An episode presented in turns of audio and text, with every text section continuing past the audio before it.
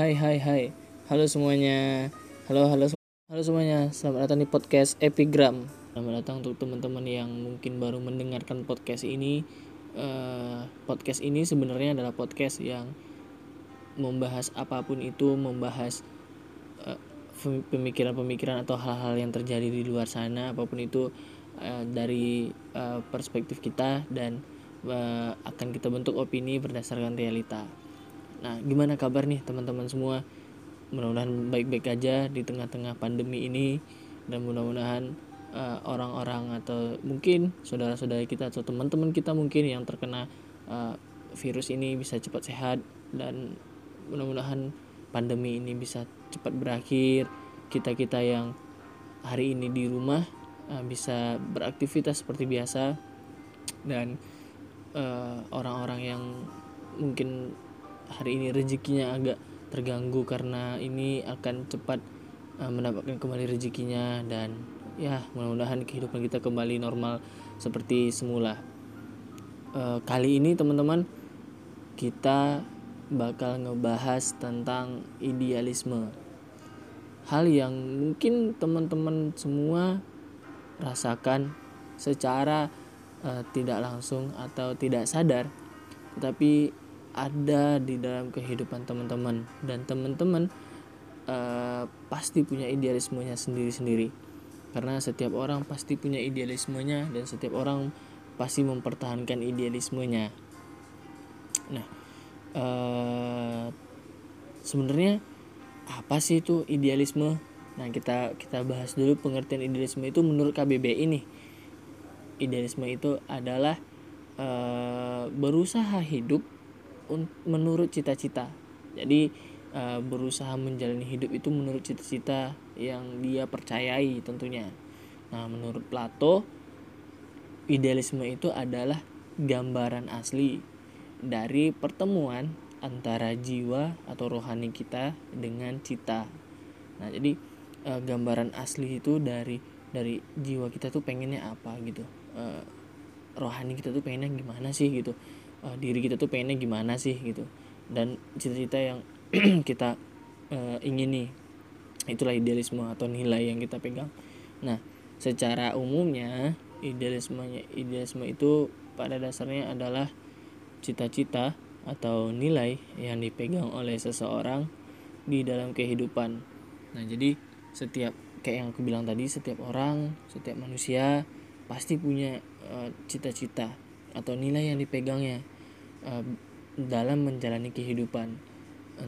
Dan nilai inilah yang yang terus dipegang oleh orang-orang seperti misalnya uh, orang tua kita seperti misalnya pemimpin-pemimpin kita di dalam menjalankan entah itu nanti keluarga entah itu nanti pemerintahan entah itu bahkan bos-bos kita nanti menjalankan perusahaan mereka punya idealisme idealisme sendiri mereka punya cara-cara pandangnya sendiri mereka punya nilai-nilai sendiri yang mereka pegang dan mereka yakini. Dan itu yang akan membentuk uh, jalan hidupnya mereka. Si asik nggak tuh? Asik dong. Jadi tiap kita tuh pasti harus punya ini apa nama idealisme. Supaya jalan kita tuh sesuai dengan apa yang kita inginkan. Nah pertanyaan timbul nih teman-teman. Penting gak sih idealisme itu? Seberapa penting sih idealisme itu? Nah, idealisme itu sebenarnya penting gak penting, teman-teman. Penting itu kayak yang tadi aku bilang supaya nih setiap yang kita kerjakan tulus dan berasal uh, dari diri sendiri serta bernilai bagi diri. Uh, gampangnya gini deh. Kita mengerjakan sesuatu itu berdasarkan apa yang kita suka dan setelah mengerjakan sesuatu itu kita merasa oh puas itu terhadap apa yang kita kerjakan. Nah itu pentingnya idealisme itu. Agar apa pun yang kita kerjakan apa pun yang kita perbuat itu tuh uh, apa ya sesuai dengan diri kita sesuai dengan apa yang kita inginkan sesuai dengan apa yang kita pegang nilai yang kita kita pegang selama ini. Dan setelah kita mengerjakan itu uh, itu tuh uh, membawa impact uh, ke diri kita. Gitu. Sama nih kayak podcast ini kan dibuat berdasarkan uh, keinginan dan setelah dibuat ya ya udah gitu seneng karena sesuai dengan apa yang diinginkan. Nah itu pentingnya idealisme tidak pentingnya ada nih teman-teman idealisme. Nggak pentingnya gimana sih? Idealisme itu bisa nggak penting apabila idealisme itu hanya menguntungkan sebagian orang. Dan di, di lain sisi dia itu mengorbankan lebih banyak orang gitu. Gimana sih contohnya?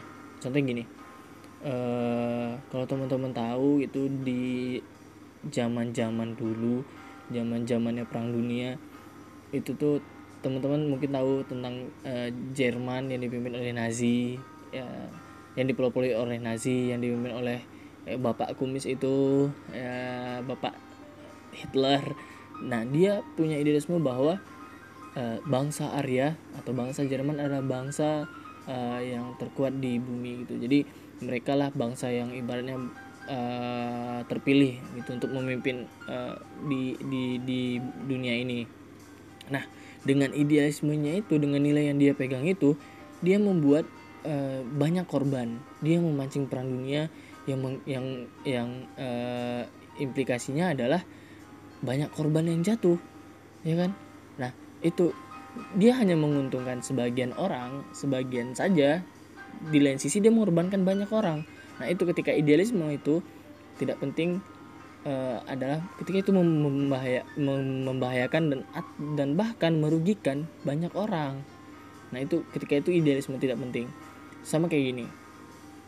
Teman-teman mungkin di sini ada yang baru tamat kuliah ada yang uh, tamat sekolah mungkin uh, pengen ada yang pengen langsung kerja ada yang pengen nyambung pendidikannya untuk yang yang baru tamat SMA mungkin pengen kuliah yang baru tamat kuliah mungkin pengen lanjut lagi sekolahnya gitu. Ya pengen kerja mungkin uh, pengen kerja sesuai dengan apa yang apa apa jurusannya mungkin.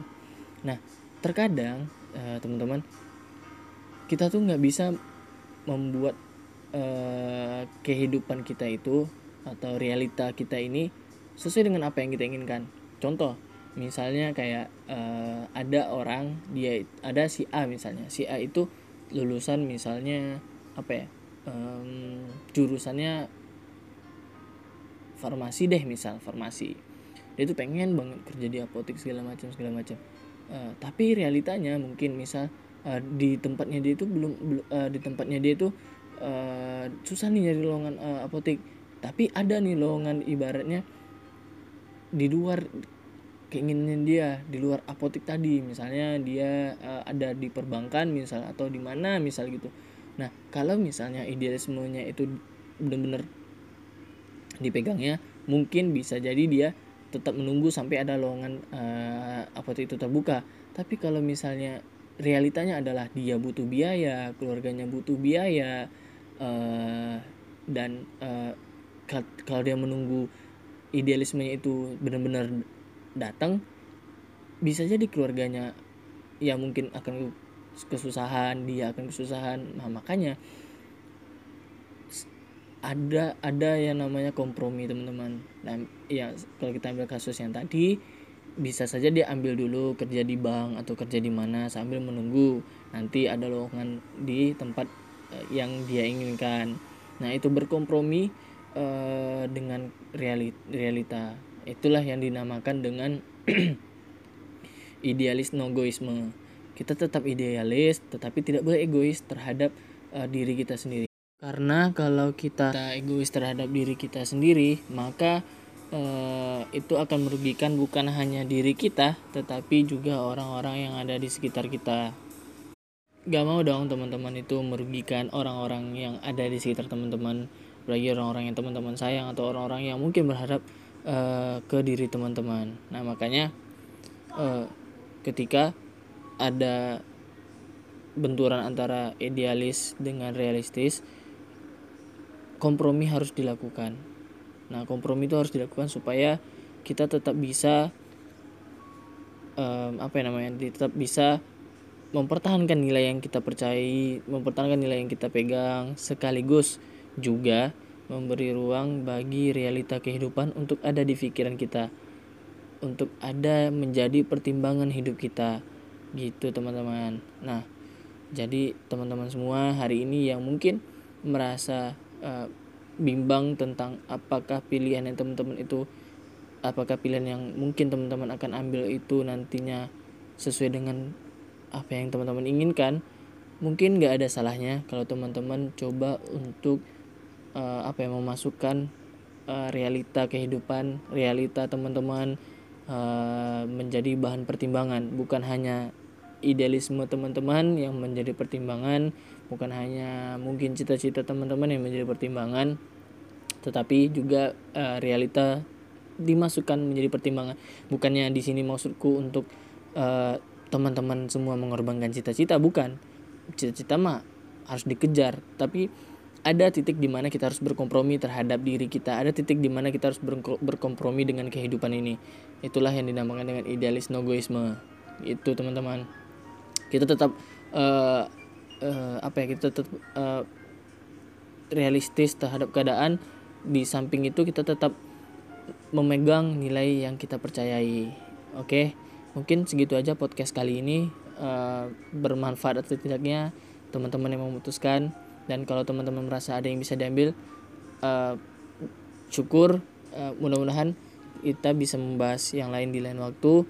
Dan untuk teman-teman semua sekali lagi uh, tetap jaga kesehatannya tetap jaga uh, kebersihannya. Mudah-mudahan kita semua bisa uh, apa namanya ber, bersama-sama melewati pandemi ini.